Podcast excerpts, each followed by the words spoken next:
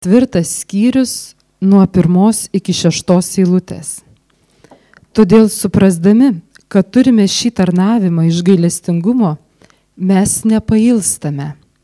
Atsisakę slaptų begėdyščių, nesileidžiame į gudravimus ir nekraipome Dievo žodžio, bet atskleisdami tiesą, prisistatome kiekvieno žmogaus sąžiniai Dievo akivaizdoje. Jeigu Evangelija yra paslėpta, tai ji paslėpta žūstantiems, kuriems šio amžiaus Dievas apakino protus, netikintiems, kad jiems sušvistų Kristaus, kuris, kuris yra Dievo atvaizdas šlovės Evangelijos šviesa. Mes ne save pačius skelbime, bet Kristų Jėzų kaip viešpati, o mes jūsų tarnai dėl Jėzaus. Nes tai Dievas, kuris įsakė iš tamsos nušvisti šviesai, sušvito mūsų širdise, kad suteiktų mums Dievo šlovės pažinimo šviesą Kristaus veide. Amen.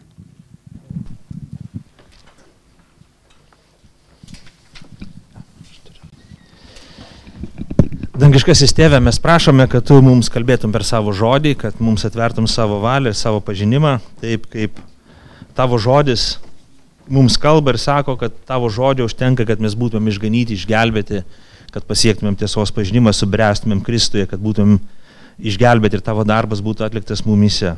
Pamokyk mus šiandien tiesos viešpatie apie, taip, kaip, apie tai, kaip mes kaip bažnyčia, kaip žmonės esame pašaukti, įpareigoti ir mokomi liūdyti, pasakoti apie Kristų ir skelbti jį visam pasauliu. To prašom per Kristų mūsų viešpatį. Amen. Prisėskim visi. Taigi apaštalas Paulius rašo tokį fenomenalų dalyką. Mes tokį netikėtiną dalyką, kad uh, Evangelija yra paslėpta. Jau praeitą sekmadienį mes girdėjom, kad tam tikras gaubtuvas, uh, kaip Paulius rašo trečiame skyriuje, dengia žmonėms Evangeliją, Evangelijos prasme ir tiesą, kai jie, kai žydai, jisai kalba apie žydų tautybę žmonės, judaizmą išpažįstančius asmenys, kai jie skaito Seną testamentą ir nepriema Kristaus žinios. Jie skaito teisingą knygą, jie įsidėmi teisingus žodžius, jie mokosi jų, stengiasi jiems paklusti, bet nepagauna esmės. Tarytum kažkoks gaubtuvas juos yra uh, pridengęs nuo tiesos, kad jie jos nesuprastų. Ir Paulius kalba, sako, kad Evangelija yra paslėpta. Uh, jeigu yra pas, Evangelija yra paslėpta, trečia eilutė sako. Taigi, netikėtina, Ir tai Paulius kartuoja daugybę, daugybę kartų Naujame testamente. Aš čia turiu išsirašęs belenkiek eilučių laiškė romiečiam, korintiečiams, efeziečiams, daugybę kartų kartuoja kolosiečiam laiškė. Jisai daugybę kartų kartuoja, kad Evangelija yra kaip paslaptis. Mums atrodytų, kad kodėl dabar reikėtų, kad jin būtų paslaptis. Mes nežinom, tiesiog Dievas taip taip panoro, taip tokia yra gyvenimo tikrovė ir realybė, kad žmonės, kurie nusigrėžia nuo Dievo, o tai yra visi žmonės, nepažįsta Dievo, sąmoningai nepriima Evangelijos žinios, jie girdi Evangelijos žinią, girdi žinią apie Kristų, tarytum supranta racionaliai, kas yra kalbama, bet jos nesuvokia taip, kad tas suvokimas vestų juos į išgelbėjimą. Žmogus negabus savo pastangom įgyti išgelbėjimo. Matyti mato, bet nesuvokia. Girdėti girdi, bet nepriima. Evangelija yra paslėpta. Evangelija lieka neatsakytas klausimas, kažkoks tai paradoksas, kažkoks dalykas, reiškinys, kuris neturi kažkokio galutinio racionalaus paaiškimo. Kaip ir minėjau, Paulius tai kartoja nuolat, tai yra Nuovo testamento žinia, Evangelija yra paslaptis. Paulius netgi prašo kad mels, e, kad bažnyčia melstųsi už jį, bent porą kartų tai prašo. Uh, Efeziečiam 6 skyriui 19 eilutė, kolosiečiams 4 skyriui 3 eilutė, kad tikintieji melstųsi už jį patį asmeniškai, kad jisai būtų drasus atskleisti Evangelijos paslapti žmonėms, kurie dar jos nepažįsta, kad, jisai, e, kad Dievas atvertų duris skelbti Evangelijos paslapti tiems žmonėms, kurie, kuriems, kuriuos jis gali pasiekti. Taigi Evangelija yra paslaptis. Bet čia svarbus momentas, kad mes neturime kaip bažnyčia sakyti, o, yra paslaptis, tai reiškia, laikykim paslaptį paslėptą nuo kitų. E, vakar tie, kas buvote ekskursijose, girdėjote, ekskursijoje girdėjote Deimanto interpretaciją, kai, kai vienam upytėje gyvenančiam žmogui vienas žmogus turėjo paslapti, kurią buvo pasižadėjęs niekam nesakyti. Bet jisai po daug metų ją papasakojo vienam žmogui irgi paprašydamas pažado, kad jis niekam nesakytų. Nu ir po kelių kartų mums ta paslaptis buvo pasakyta per mikrofoną garsiai visam autobusui žmonių. Taigi paslaptis, kurią mes turime, kuri yra Evangelija, nėra ta, kurią mes turim saugoti po priesai ir sakyti, ne, ne, niekas neturi žinoti, nes Dievas taip nusprendė. Ne, ne, atvirkščiai. Evangelija, Evangelijos paslaptis turi būti paaiškinta. Bet, bet jinai nėra lengvai suprantama. E, žmonės, toks, man tokia iliustracija ateina kaip dabar, kai vyksta karas Ukrainoje ir Rusijos propagandos prifarširuoti rusų tautybės žmonės, pačioje Rusijoje ir, ir pasaulyje, nepriima realybės tikrovės ir sako, čia NATO kaltas, Amerikos prezidentas, pati Ukraina kalta, čia, čia tai Dievas nori, kad mes kariautumėm tą karą ir panašiai.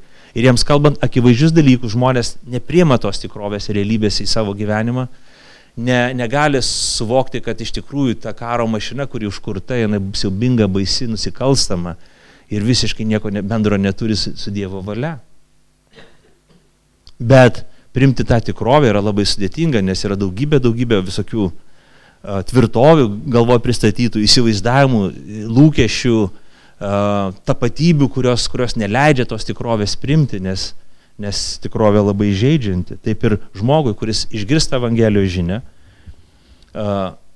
nelengva ją priimti, nes jinai tokia ne iš šio pasaulio, jinai per, per daug sudėtinga. Dar labai įdomus teiginys, kurį sako paštalas Paulius, jisai dramatiškai pareiškia, žiūrėkit, trečia eilutė, jeigu Evangelija yra paslėpta, tai ji paslėpta žūstantiems žmonėms. Uh, Koks dramatiškas pareiškimas. Pasirodo, žiūrėkime, mes turim nepamiršto dalyko. Tolerancijos amžyje.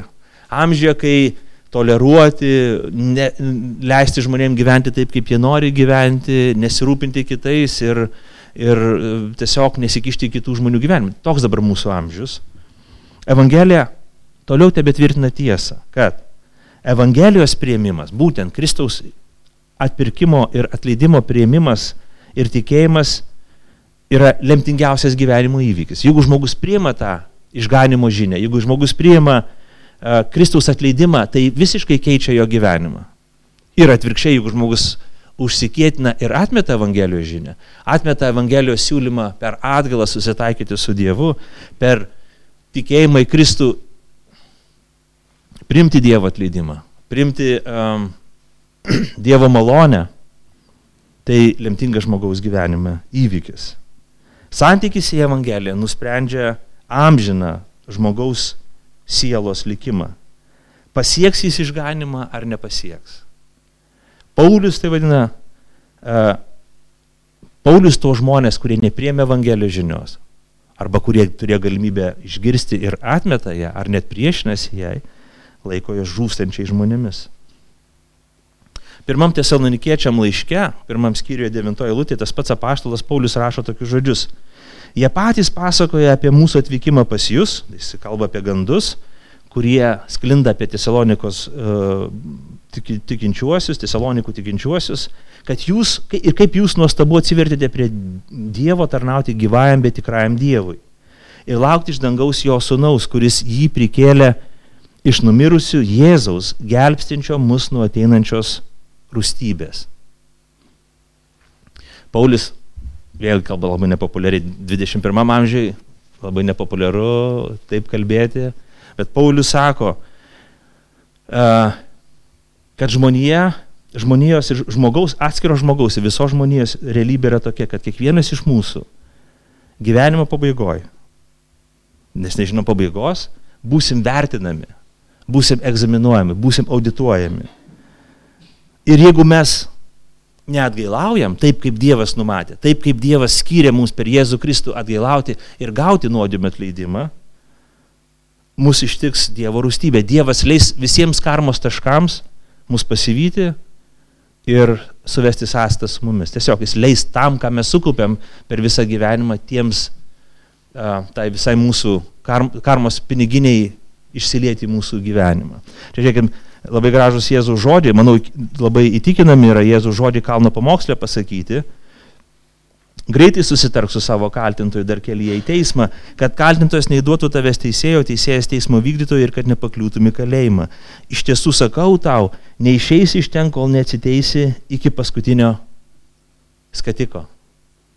Kalbama apie to, tokią rūšę realybę, kad iš ties uh, mūsų mažos nuodėmėlės, menki nusižengimai, kaip mes kartais galvojam, didelės nuodėmės ir dideli nusikaltimai kaip mes galvojam ar negalvojam, viskas nepraslysta dangiškam teisėjui ir Dievui pro akis. Jeigu mes gyvenam neteisų gyvenimą, o teisiai mes gyventi negebam, mūsų laukia akistata su tikrove, akistata su teisėju. Ir čia nebus tik tai čekiukų istorija, kai mes ten turėsim pasiaiškinti dėl kūro, ten kanceliarinių išlaidų ir, nu, ten, sakysim, aš ten nu, turėjau kem septynės korteles, užsipiliau kūro per, se, per kelias sekundės iš dviejų kolonėlių. Ne visai ta istorija. Teisėjas, teisingas, teisėjas amžinas, teisėjas yra Dievas. Ir tik Evangelija gali mus išvaduoti iš tos rūstybės, nes kiekvienas iš mūsų mes žinom, mes jaučiam, mes turim tą giluminį pojūtį, kad mes esam kalti, kad mes padarėm uh, nuodėmę, kad mes neadekvatus prieš teisingumą, prieš tiesos uh, akistatą. Tik Evangelija gelbsti mus nuo artėjančios rūstybės. Labai įdomus dalykas, mes jau šiek tiek kalbėjom apie tai, kad yra, žiūrėkim, ketvirtai eilutė sako, kuriems šio amžiaus Dievas apakino protus. Tai vėlgi, tas kauptuvas, trečiame skyriuje Paulius kalba apie tą gaubtuvus, kur, gaubtuvą, kuris dengia a, a, šydą, kuris dengia tiesą nuo, nuo realybės. Čia sako, kad šio amžiaus Dievas apakino protus. Taigi Biblija sako, kad ne tik, kad žmogaus prigimtis negeba pažinti tiesos, negeba pažinti tikrovės, negeba priimti Evangelijos, bet lygiai taip pat ir šio pasaulio Dievas, piktasis, velnės, kitai žodžiais tariant, jisai priešinasi ir apakina, jisai stengiasi, kad žmogus neįžiūrėtų, nepamatytų. Yra ne tik vidinė jėga, bet yra ir išorinė jėga, kuri priešinasi žmogui ir kuri nori, kad žmogus nematytų. Kas iš jūsų vairuot automobilį, žino tokį daiktą, kad naktį važiuojant automobiliu, kai prasilenki su kita mašina, labai svarbu, kad priešininkas, nu, ne, ne, priešininkas, bet iš priešpriešiais važiuojantis vairuotojas įjungtų trumpasias e, šviesas. Nes jeigu įsijungia ilgasias, jos labai akina, tu nebematai kelio, tu nebematai, kur tau reikia važiuoti, tave, tave, tave tiesiog spigna, tu negali žiūrėti tą, į, tok, į, tok, į, į tokią, tokią ryškę šviesą. Ir tu būni, būni, būni uh, labai pažeidžiamas tuomet. Tai šio pasaulio Dievas, Dievo priešas, mūsų sielos priešininkas. Jis tengiasi švitinti mums tais žiburėliais, kaip kokiam futbolininkui su lazeriuku į akį, kad mes pasimestumėm, kad mes būtumėm sutrikę, kaip vairuotojai spigina ilgosiomis šviesomis, kad mes nematytumėm, kur reikia važiuoti, kad mes pristabdytumėm, kad mes nuvažiuotumėm nuo kelio, kad mes padarytumėm bet ką, bet tik nevažiuotumėm ten, kur mums reikia.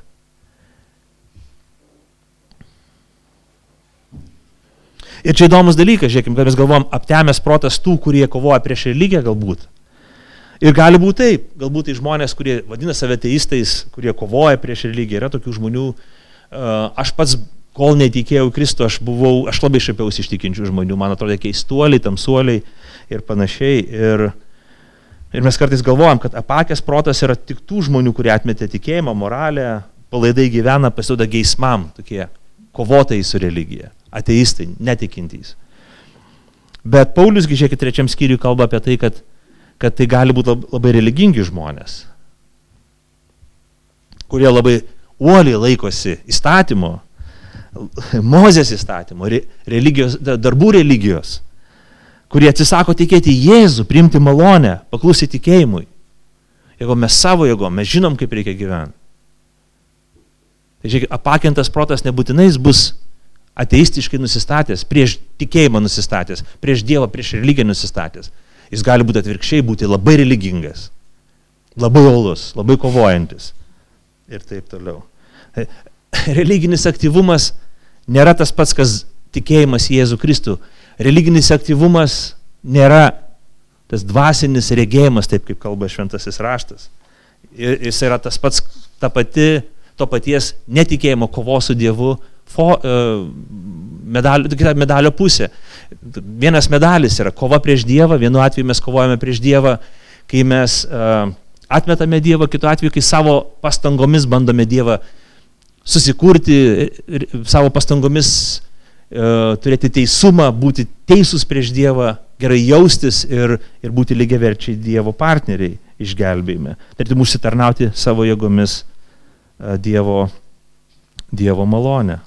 Aš galvoju, kartais mes krikščionys dažnai suklystame, kai ieškam kažkokių lyderių, visuomenės lyderių, pramogų žvaigždžių, kurie tik paminį žodį Dievas, mes sakome, o, jis krikščionis yra. Jis tik pakalba kažką, kad Dievas, kažkur Dievą žodį paminį ir mes iškart galvojame, o, koks religingas žmogus, aš klausysiu jo muzikos, aš seksiu jį, o, kaip čia fainai, čia krikščioniška. Nebūtinai tai yra taip. Esminis dalykas, ar žmogus patikėjo Jėzų Kristų, ar jis pavedė savo gyvenimą Jėzui Kristui, ar jis yra jo mokinys, ar, ar jis leidžia, kad Dievo žodis jį visiškai transformuotų ir perkeistų. Žiūrėkime, Paulius, Paulius vienas sako, tai netikintys žmonės. Čia įdomus dalykas. Ketvirta eilutė, netikintiems, kad jiems nesušvistų Kristaus Evangelija. Netikintiems. Ir čia vėl nebūtinai tai žmonėms, kurie neišpažįsta jokios gyvybės. Kai šventasis raštas, kai ypatingai Nuojas testamentas kalba apie netikintį žmogų, apie tikėjimą, netikėjimą, kalbam apie santykį Jėzų Kristų. Tu gali būti labai religingas žmogus, bet Naujojo testamento prasme būsi netikintis, jeigu tu nepatikėsi Jėzaus Kristus Evangeliją ir ne, ne, nepavesi savo gyvenimo Jėzui Kristui. Ir Naujojo testamento prasme, Biblijos prasme tapsi tikintis tuomet, kai tu pradėsi išpažinti Jėzų Kristų kaip savo gelbėtoją ir pirkėją. Taigi mes galim būti labai religingi, žmogus gali būti labai religingas ir savo pasangomis stengtis būti geras žmogus ir, ir, ir, ir patikti Dievui. Bet nuo testamento prasmės bus netikintis, nes jeigu jis net nepriima Jėzaus Kristus, nesuklumpa prieš jį, neišpažįsta jo, ne, nesišaukia jo ir ne, ne, nepradeda trokšti jo kaip didžiausio gyvenime dalyko, jis nuo testamento prasme bus laikomas netikintis. Ir galiausiai, tamsa. Tamsa, kad jiems nesušvistų Kristaus kuris yra Dievo šlovės atvaizdas, šlovės Evangelijos šviesa ketvirtą lūtį. Tamsa. Tamsa. Ja, aš manau, kad šventame rašte, čia be ne, nu, toksai um, dažniausiai sutinkamas um, netikėjimo į Dievą gyvenimo būdo įvaizdis kaip tamsa. Tamsos laikas. Tamsa, tamsa ateina. Ir žiūrėkim, tai yra žmogaus, kuris nepažįsta Dievo būklę, tamsa. Ne, nežinojimas, nesupratimas, nesuvokimas. Savitas visų dalykų priežasčių, pasiekmių, tikslo paaiškinimas. Ir aš gal sunku labai paaiškinti tą reikalą, kaip ta, ta tamsa atrodo, kaip jin yra, jin gali kelti siaubą. Kai aš buvau netikintis, man tikėjimas atrodė kaip tamsa. Netikėti, man atrodė, būti tikinčiu tai reiškia oi, siaubas, tai reiškia būti tokiam nuobodžiam. Ir aišku, jeigu tu jaunas, tampi, nu, dar senas tampi tikintis, tai vis tiek nu, viskas jau tau ten nebeįdomu. Aš taip galvoju, būdamas jaunas. Tai, bet jeigu jaunas tampi tikinčiu, tai tada iš viso tau ne, nu, toks nelaimingas žmogus, net gaila jo tampa. Bet įdomus dalykas, kad kai tu kalbi su žmonėm, kurie buvo netikintys ir patikėjo Jėzui Kristų, Jie visi liūdė, sako, žinai, aš, man toks jausmas buvo, toks pot, aš tą potyrį galėčiau pasakyti taip, aš buvau tamsoj ir kažkas mane įvedė į šviesą. Man tapo viskas šviesu. Pokytis toks pat. Kai būnam tamsoj ir tu įtini šviesą, viskas tampa ryšku, kartais gali tai būti toks labai drastiškas pasikeitimas, net sunku akiai priprasti. Bet tampa viskas aišku, suprantama, po truputėlį dinksta kažkokie šešėliai, atsiranda supratimas, suvokimas, prasmes, tikrieji džiaugsmai. Ir neįtikėtina, man pačiam buvo neįtikėtina, kad tikėjimas atneša džiaugsmą tokį, kokio aš neturėjau tuomet, kai aš galvojau, kad aš turiu tikrą džiaugsmą, kai buvau netikintis. Pasirodo, kad būdamas tikintis, aš tik tada supratau, kas yra tikras gyvenimo džiaugsmas. Iki tol aš net nesuvokiau, kas tai yra. Taigi žmonės nesupranta, Evangelijos paslaptis yra pridengta, jų akis apakintos, jie, jie negali suprasti, jie netiki, jie yra skendi tamsoj, bet Evangelija mums kalba viltį. Nes tai Dievas šeštąjiltė sako, kuris įsakė iš tamsos nušvisti šviesai, sušvito mūsų širdyse. Taigi, kadangi Evangelija yra paslėpta žmonėms, mums buvo, man buvo paslėpta, kol aš nepatikėjau, kol Dievas man netvėrė akių, kol šventoji dvasia man, man neleido suprasti, neįgalino mane suprasti suvokti tiesos, tol aš gyvenau tamsoj. Tol man tai buvo paslaptis. Bet tikintieji, kaip skamba antroji lūtė, e, parašyta antroji lūtė, yra pašaukti atskleisti tiesą. Žiūrėkit, atsisakę slaptų begėdyšių, nesileidžiame į gudravimus, neiškraipome Dievo žodžio, bet atskleisdami tiesą prisistatėme kiekvieno žmogaus uh, sąžiniai Dievo akivaizdą, atskleisdami tiesą. Žiūrėkit, uh, mes neturim piktintis, juoktis ar žeminti žmonių, kurie negyvena pagal Evangeliją. Mes taip darom ir tai blogai, tai nuodėmė, tai netinkamas dalykas. Dievas to nesidžiaugia. Kaip tik Dievo širdį liūdina. Nes tie, kurie buvo tamsoj ir iš jo malonės buvo apšviesti, pradeda niekinti tuos, kurie dabar gyvena tamsoj. Kokia niekšybė, koks pasididžiavimas, koks per, per geras galvojimas apie save. Dėl to, kai niekingai kalbė apie pasauliečius, apie netikinčius, tu žaidži Dievą ir tu didžiuojasi ir pui, pui, puikuojasi, puikuojasi prieš Dievą, tarytum savo pastangom tu praregėjai. Bet esmė tame, kad tu apakęs toliau esi. Apakęs išdidus, pasipūtęs Dievo vaikas. Ir Dievas tave turi sudrausminti. Aš dabar drausminu tave. Dievo žodžiu. Mes negalim taip elgtis. Lygiai tas pats būtų, jeigu mes septynių metų vaiką, iš septynių metų vaiko šaipytumės, kad jis nemoka spręsti likčių. Jis negali mokėti, nes jis dar vaikas. Arba mes sakytumėm, kodėl keturių metų vaikas dar negali raštus sklandžiai išdėstyti teksto. Nu, jis dar negali. Lygiai taip pat žmogus, kuris nepatikėjo, kuris neišgirdo Evangelijos žinios, netiki, jis tiesiog negali tikėti, nes jam reikia išganimo žinios. Ir jeigu jam bus paskelbta, jeigu jam bus apreikšta, apšviesta, jisai patikės, Mes tikimės tuo, mes vilėmės to ir jo gyvenimas bus perkeistas.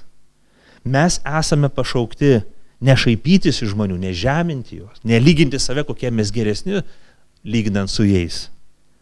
Bet dėme, dėmesingai patarnauti, pasakoti kantriai, maloniai, skleisti tiesą, atsakyti į klausimus, ištvermingai atsakinėti į klausimus ir tikėtis, melstis ir tikėtis, kad Dievas gali padaryti savo darbą, kad Dievo žodis gali padaryti savo darbą, kad šventoji dvasia gali veikti žmogaus gyvenime ir atskleisti tiesą.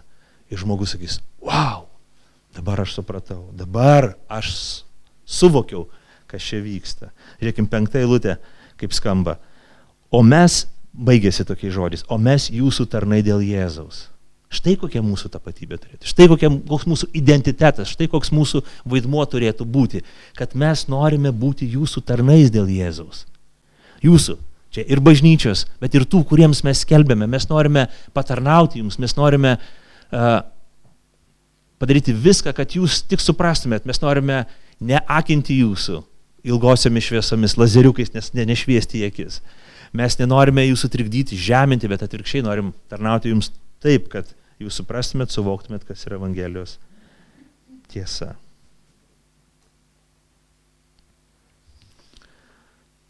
Taigi žmonės be Evangelijos nėra mūsų priešai, žmonės be Evangelijos, kurie dar nepriemė Evangelijos, yra žūstantys žmonės, kuriems reikia atpirkimo, kuriems reikia atleidimo, kuriems reikia žinios, kad Dievas juos myli, kad nuodėmės yra atleistos, bet jos negali, atleidimas negali automatiškai jeigu žmogus neatgailavo, as, asmeniškai neišpažino savo nuodėmių Kristui, neprašė jo atleidimo, neišpažino, kad Jėzus yra tas atleidimas, nuodėmės lieka netleistos. Bet tik Dievas gali tą darbą padaryti žmonių širdyse. Paskaitysiu vieną ištrauką iš laiško romiečiam 10 skyrius, jis manau labai tinka, galbūt daugelis esat girdėję tą rašto vietą ar skaitę, bet manau labai tinka. Apaštalas Paulius rašo, 10 skyrius 9 eilutė ir toliau, paskaitysiu ilgesnį ištrauką. Jeigu lūpomis išpažinsi viešpati Jėzų, lūpomis išpažinsi viešpati Jėzų, širdimi tikėsi, kad Dievas jį prikėlė iš, iš numirusių, bus išgelbėtas. Jokių ritualų, jokių darbų, jokių nuopelnų lūpomis pasakome, širdimi aiškiai įsitikinę ir tikėdami, kad Jėzus yra tas atleidimas, tas kelias, per kurį atleidžiam, per kurį mums atleidžiama, bus išgelbėtas. Jokių darbų, tiesiog patikėti ir išpažinti. Ne širdimi tikima ir taip įgyjamas teisumas, lūpomis išpažįstama ir taip įgyjamas išgelbėjimas. Juk raštas sako, kiekvienas, kuris jį tiki, nebus sugėdintas neįtikėtinas pažadas. Jei tiki Jėzų, nebūsi sugėdintas. Nėra jokio skirtumo tarp žydo ir graiko, nes tas pats viešpats visiems turtingas kiekvienam, kuris šaukėsi jo vardo. Juk kiekvienas, kuris šaukėsi viešpaties vardo, bus išgelbėtas. Kiekvienas, kuris šaukėsi jo vardo, bus išgelbėtas. Kaip žmonės šauksis to, kurio neįtikėjo? Kaip jie įtikės tą, apie kurį negirdėjo? Kaip išgirs be skelbėjo ir kaip jie skelbs, jei nebus pasiūsti. Kaip parašyta, kokios puikios kojas tų, kurie skelbia ramybės evangeliją, kurie neša geras žinias. Bet ne visi paklūso evangelijai. Nes Izaijas sako viešpatė, kas patikėjo mūsų skelbimu. Taigi tikėjimas iš klausimo, klausimas iš Dievo žodžio. Neįtikėtinai. Galima būtų daug kalbėti apie šitą rašto vietą. Esminis dalykas. Žmogus turi patikėti, kad Jėzus iš tikrųjų atleidžia mano nuodėmės. Ir tai išpažinti. Sakyti, viešpatie Jėzau, tu vienas gali išgelbėti mano sielą. Ir to užtenka. Nereiškia, kad visas darbas pasibaigė, čia mes ne, ne, nepabaigiam. Čia tik atgimsta žmogus, tik atleidžiama jam. Jis turi ateiti pas Kristus, turi sekti paskui jį, jo gyvenimas turi keistis, turi gyvenimas įrodyti, kad pokytis įvyko, Dievo, dievo žodė sėkla turi įkristi žmogaus širdį, bet jeigu jinai krito, jin turi pradėti šaknytis toje širdyje, jin turi pradėti e, išleisti daigą, jin turi pradėti skleistis širdyje ir gyvenime, jin turi nešti vaisius, nes jeigu iš tikrųjų žmogus įtikėjo, jeigu iš tikrųjų jam atleidė, jeigu iš tikrųjų jis išgelbėtas, jo gyvenime bus vaisius. Jeigu vaisiaus nėra, tai to išgelbimo irgi nėra. Tai buvo gal emocija, buvo kultūra, gal buvo kažkoks fainai toksai va, emocinė būklė. Taigi skelbimas automati, automatiškai nieko nepadaro. Jeigu kalbam, kalbam, kalbam, šnekam, šnekam ir nepadaro. Ne, ne, ir, ir žmogus nepatikė to dalyko, jis ne, nesupranta Evangelijos, neįtikė to. Evangelijos klausimas neišgelbsti žmogaus automatiškai. Bet žmogus turi suprasti, suvokti, jam turi būti apšviesta. Jis sako, wow, aš tikiu ir išpažįstu Kristų. Taigi ir tuomet Evangelija viską keičia. Kai žmogus, kai žmogus patikė, kai žmogus išpažįsta, kai žmogus šaukėsi Kristus, viskas keičiasi. Ta, suteikia mums Dievo šlovės pažinimo, pažinimo šviesą Kristaus veidė. Tada mes sakom, wow, kažkas įvyko mano gyvenime a, aš pradedu suvokti, kad, palauk, tai kažkaip viskas kitaip yra. Palauk, tai čia yra šviesa, čia tamsa, o aš visą laiką galvoju atvirkščiai. Čia yra džiaugsmas, o tai, ką aš laikiau džiaugsmu, iš tikrųjų buvo gydingi dalykai. Nes Evangelija keičia viską, kai mes ją išpažįstame. Nebūtinai tai turi būti staiga akimirksniui, labai įspūdingai, tai gali būti palaipsninis, dažniausiai tai yra palaipsninis procesas, kai žmogus skaito, klauso, kai žmogus žoda klausimus, kai žmogus svarsto, samprotauja, ieško patvirtinimo Evangelijai, e, kalbasi su kitais žmonėm. Tai būna procesas. Bet visą laiką vyksta ta pati išdava, kad aš supratau, Jėzus yra mano viešpats, Jėzus yra mano atpirkėjas, Jėzus yra mano Dievas, Jėzus yra tas, kuris mane gelbsti. Ir tai nauja realybė, nauja tikrovė, naujo gyvenimo pasaulio pradžia naujo pasaulio pradžia, nes aš jį pradedu suprasti, suvokti kaip naują pasaulį. Tai atgimimas. Ir mes esame, kaip bažnyčia, pašaukti skelbti Kristų. Šitą ištrauką, kurią mes skaitome, kurią skaitėme iš, iš, iš ketvirtos skyriaus, kalba mums labai svarbu daiktą. kad bažnyčia, ne tik bažnyčia, bet ir mes kaip tikintieji, ne tik kažkokia tai uh, mistinė organizacija, struktūra, bet mes, mes kaip bendruomenė, kaip, su, kaip tie, kurie susirenkam. Ir kiekvienas iš mūsų turime, esame, privalome aistringai, neluistamai pasišventę skelbti Evangeliją. Nes tai yra vienintelis būdas, vienintelis instrumentas, per kurį Dievas gali gelbėti žmonės, tuos, kurie yra aplinkui mus. Nėra kito būdo, nėra kito instrumento, nėra. Tik per Evangelijos žinę žmonių sielos gali būti išgelbėtos. Tik Evangelija atveria paslapti, paaiškina Dievo paslapti. Tik Evangelija apšviečia, nuima šydą nuo akių, atsako į klausimus, atneša tikrą ramybę. Jokia psichoterapija, jokia filosofija, jokie, jokie judėjimai, jokie politiniai veiksmai ir, ir jokios direktyvos ES ar Lietuvos uh, Seimo ar vyriausybės įsakymai negali pakeisti žmogaus gyvenimo taip, kaip tai keičia Evangelija, nes jin keičia amžinai. Vakar mes buvome uh, kažkur netoli Abromo Kulviečio kapo, sakykim taip, kažkokiu spinduliu. Ir jis gyveno vienoje santvarkoje, vienoje vienoj kultūroje, LDK. Ir jisai buvo įtikėjęs Evangeliją. Jisai turėjo daug noro, traškimo tarnauti savo šaliai. Bet nežinom, ten tom tokiom miglotom aplinkybėmis mirė. Pasikeitė daugybė valdžių, valstybių pavadinimų, kariuomenės, vienos, antros, trečios, ketvirtos, penktos ėjo per, per tą žemę. Bet jo gyvenimas yra perkeistas amžinai, nepriklausomai nuo to, kad jo gyvenimas buvo labai trumpas - 33 metai. Žmogiškai galėtum sakyti nesėkmingas gyvenimas. Bet kadangi jisai pasitikėjo Kristumi, tuo, kas išgelbsti žmogaus sielą, jis nugalėtojas jis nugalėtojas, nes jisai yra su Kristumi, jis yra prisikelime, jis turi ramybę su Dievu. Ir mes tokią pat viltį turime kiekvienas, kuris išpažįstame Jėzų Kristų savo gyvenime. Dėl to mes pašaukti liūdyti ir pasakoti kitiems žmonėms apie Evangeliją. Mes pašaukti. Jėzus mato evangel... E, Morkos Evangelijos 16 skyriuje įsako bažnyčią, kad jie privalo skelbti Evangeliją. Eikite visą pasaulį skelbti Evangeliją visai kūriniai. Paulius Tame pačiame laiške korintiečiams sako, vargas man, juk aš Evangelijos neskelbsiu. Jis kaip apaštalas, kaip pašauktas būti apaštalu ir pagonių mokytojų sako, o, aš, ne, aš labai sėkmingas misionierius, bet, bet jeigu aš neskelbsiu vargas man, nes man duotybė tam tikrai yra ir aš tiesiog privalau tai daryti ir Dievas e, atveria duris tos tarnystės sėkmiai. Keletą minčių apie tai, ką šito ištraukoje Paulius pabrėžia. Mhm. Tai pirmas dalykas kad mes esame pašaukti skelbti Kristų ne save.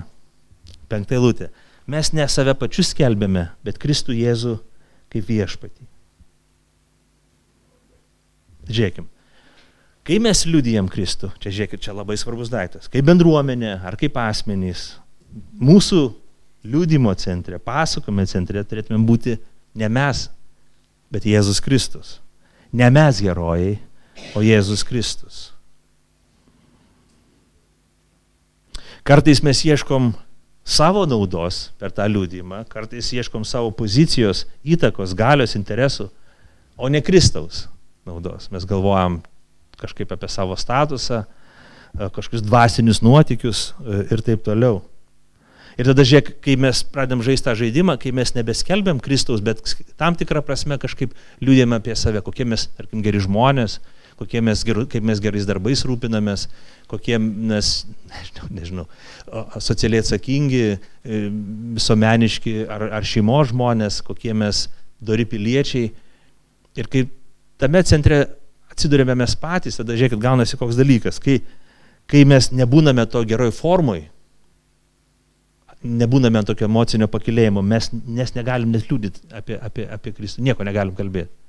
Mes net nedrįstam prasižioti nes ten, žiūrėk, maldos gyvenimas biškis užšlubuoja, kažkur kažkokios bėdos, kažkas nesiseka, nes toksai kaip nupešiotomis plunksnomis tokia višta stovi toks kaip lietuje ir galvoji, ne, nieko aš nekalbėsiu, nepasakosiu. Toks jautiesi apdegęs, apsvilęs, net nedrįsti pasakoti apie Jėzų, nes tu čia net negali suspindėtume pasakojime.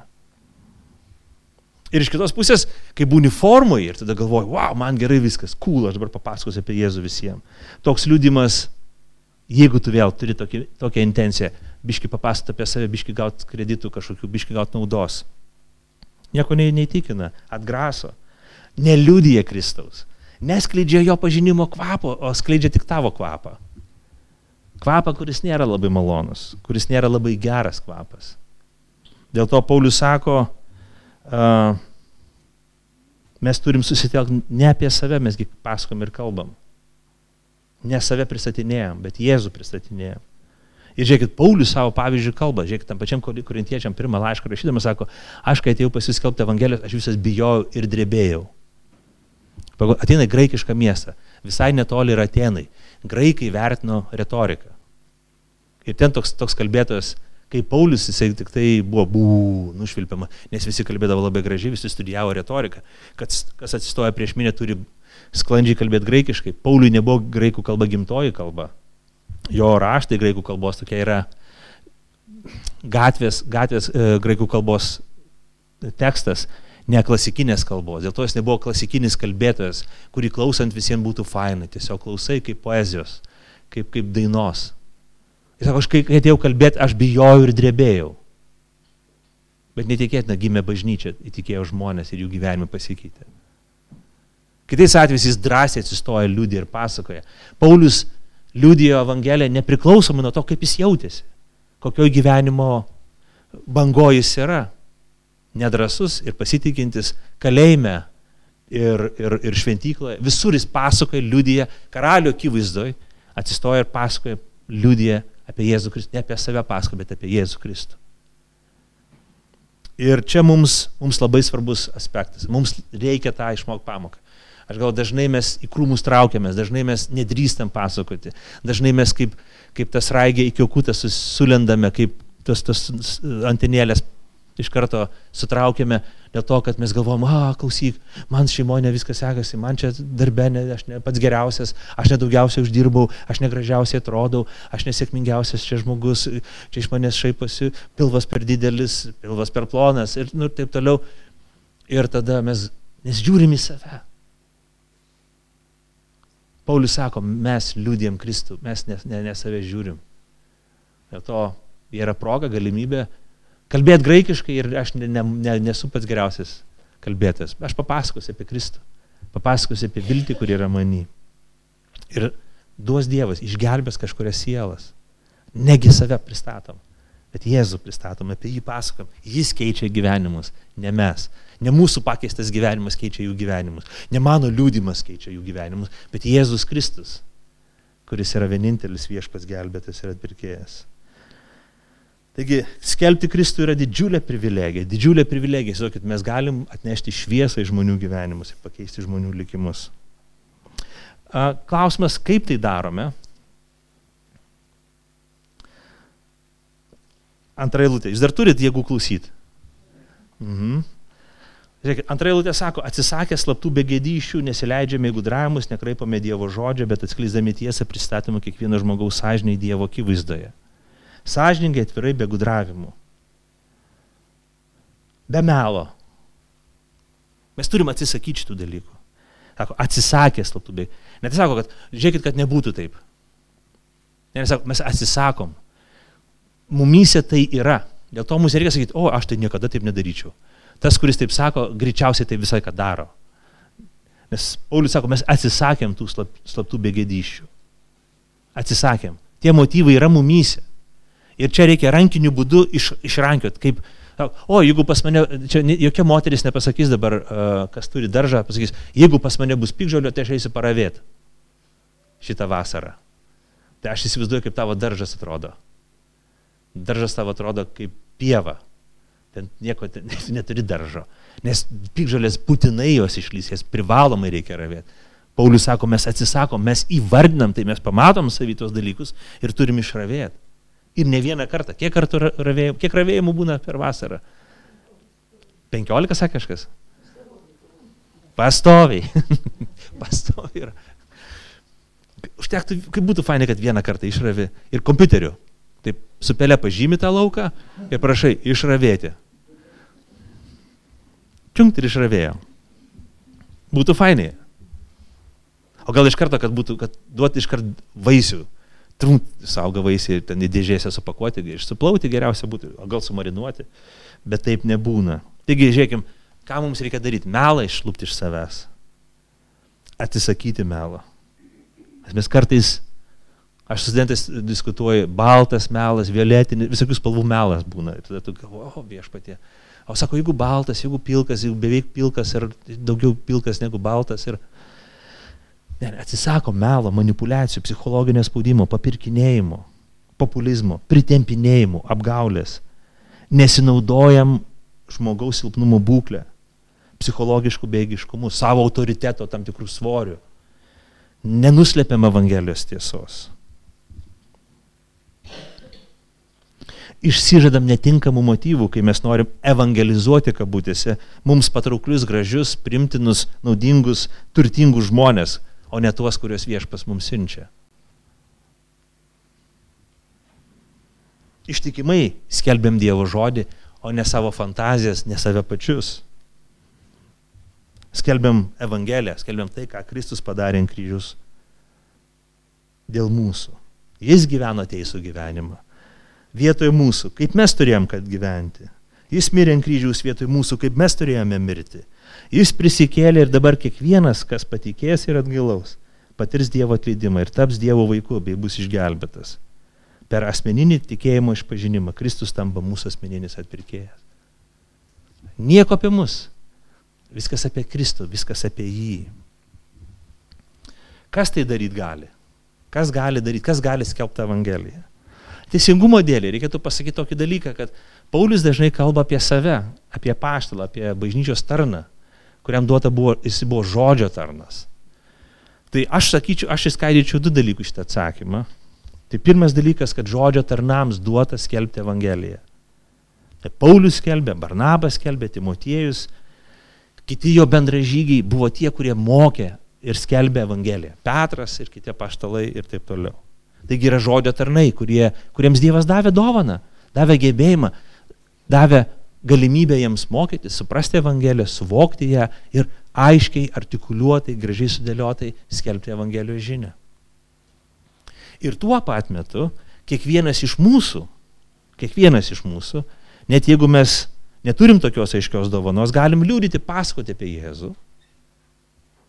Net jeigu neturim tokio pažinimo, net jeigu neturim tokios iškalbos, supratimo ir taip toliau, mes galim pasiremti kitų mokytojų patirtimis, išvalgomis, citatomis ir papasakoti apie Jėzų Kristų kitiems žmonėms. Taigi, tai gali daryti Pirmiausia, tai pašaukti daryti mokytojai, evangelistai, tie, kurie Dievo apdovanoti žmonės. Ir tai daro bažnyčia. Bet privačiam savo gyvenime kiekvienas iš mūsų neturim bijoti ir kažkaip ypatingai jaudintis. Mes galim paliūdyti, pasakyti, Jėzus yra tas, kurį aš tikiu. Jėzus yra tas, kuris atnešė man ramybę. Jėzus mirė ant kryžiaus ir už tavo nuodėmę. Jeigu patikėsi, Dievas tau atleis. Nu ir galiausiai kas dabar iš to? Du dalykai. Bet per kiekvieną dalyką bus po punktelių kažkiek. Aš trumpai stengsiuosi kalbėti. Taigi, ką asmeniškai, kas asmeni, kaip asmeniškai mes turėtumėm reaguoti į šitą ištrauką ir tą kvietimą, Evangelijos kvietimą mums liūdyti Kristų.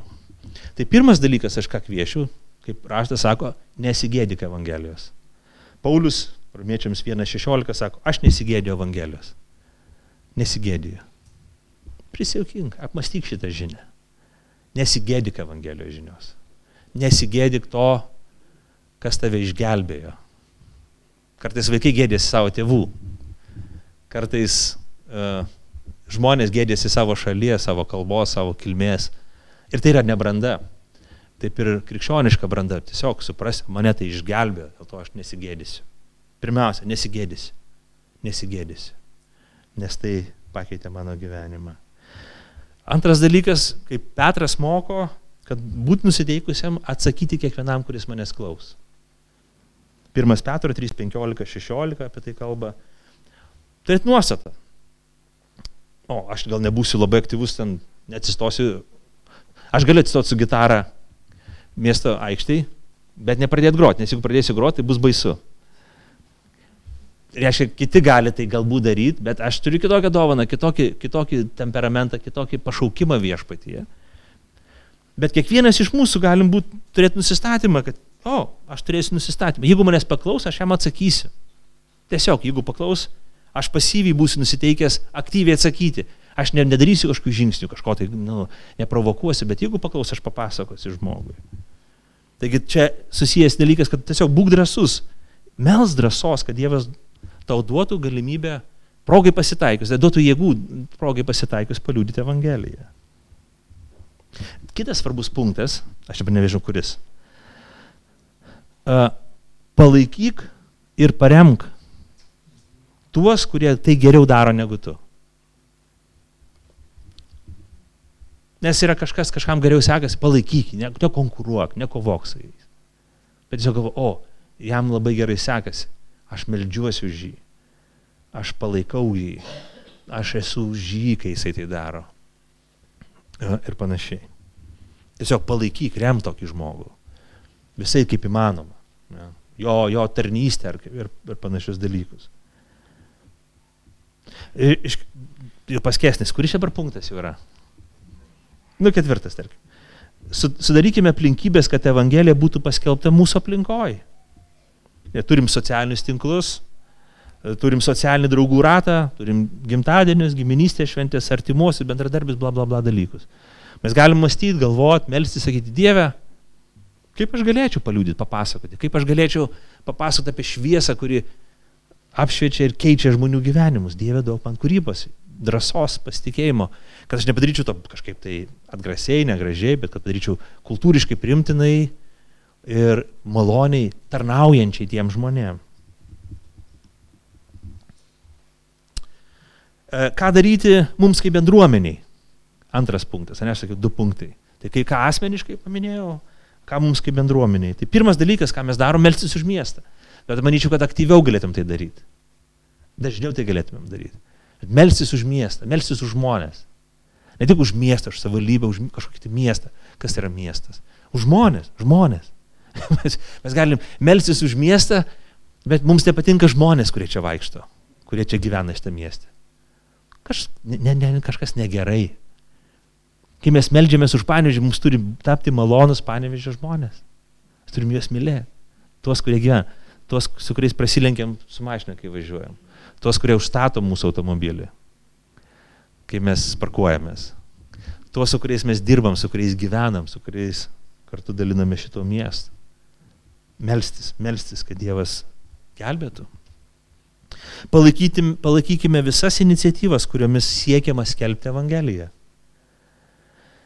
O, net jau kalbant ir apie mūsų bendruomenę, jeigu tik yra kažkokia iniciatyva, kad čia galima skelbti Evangeliją. Per vieną kažkokį projektą, kitą dalyką, per tokią iniciatyvą palaikykim kaip įmanoma. Melskimės, drąsinkim, prisidėkim, sakykim, aš noriu turėti dalį, aš noriu, kad Evangelija būtų skelbiama. Gal aš nemoku, gal nesugebu, gal nežinau kaip, bet jeigu jums kyla idėjų, broliai sesės, darykit tai, aš palaikysiu, reikia pinigų, duosiu. Palauk, kur čia tas centas? Euras. Va, duosiu. Jeigu reikia maldų, aš melsiuosi, reikia padrasinimo, aš drąsinsiu jūs. Tegul būna tai daroma. Tegul būna tai daroma.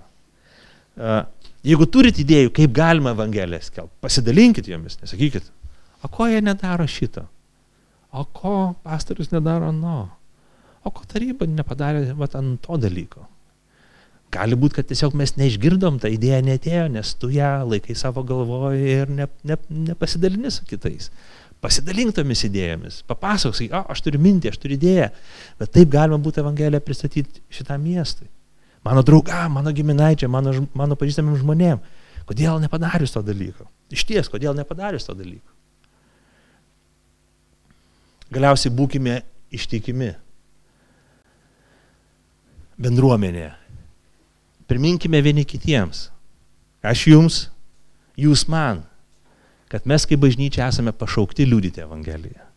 Kad mes nepašaukti sėdėti, užsidaryti auto, autobuse, kai dabar mes užsidarę langus sėdim, biškitų langu, įsijungiam mikrofoną ir girdim tik mes. Gal mes galim pradaryti langus, kad girdėtų kiti. Čia perkeltinė prasme. Gal mes galim atidaryti duris, gal mes galim išeiti, priminti vieni kitiems, kad mes neskirti tik savo gyventi. Tai svarbus bendruomenės gyvenimas, labai svarbus. Bet labai svarbu liūdyti Evangeliją tiem žmonėm, kurie dar jos nepažino. Baisiai ilgai kalbėjau. Amen. Pasimelskime. Dangiškasis tėve, mes šloviname tave už tai, kad tu nepalikai mūsų tamsoj. Tikra tiesa, tai ką sako tavo žodis, mes jį, mes jam pritarėm ir sakom amen vien dėl to, kad jis yra tavo žodis. Bet ir savo patirtimi patyrėme, kad kol mes nepažinom Evangelijos, mes gyvenom tarytum tamsoj. Tikroji tamsoj, dvasiai tamsoj, viskas mums buvo neaišku ir nesuprantama. Mes nesupratom savęs, tavęs ir šito pasaulio. Bet kai mes išgirdom maloningą žinią apie tave, Jėzau Kristų, kad tu atleidai ir perkėti atgimdai visus, tai perkeitė mūsų gyvenimus, šlovinam tave. Todėl padėk mums kaip bendruomeniai būti nuolankiai, liūdyti Evangeliją žmonėms, kurie gyvena šalia mūsų, vaikams mūsų, kurie auga bažnyčiui, draugams, giminaičiams, pažįstamiems, nenuilstamai ir nepavargstamai, nuolankiai, jautriai, be apgaulių, išravint savo širdies motyvus, kad mes nebūtumėm kokie tai keisti konkurentai bendruomeniai, bet būtumėm broliai ir seserys, kurie vieni kitus drąsinam ir tarnaujam tavo duotą dovaną, kad tavo sunus Jėzus būtų paskelbtas, kad žmonių gyvenimai keistusi ir tau kiltų šlovė bažnyčioje ir pasaulyje dabar ir per amžius. Amen.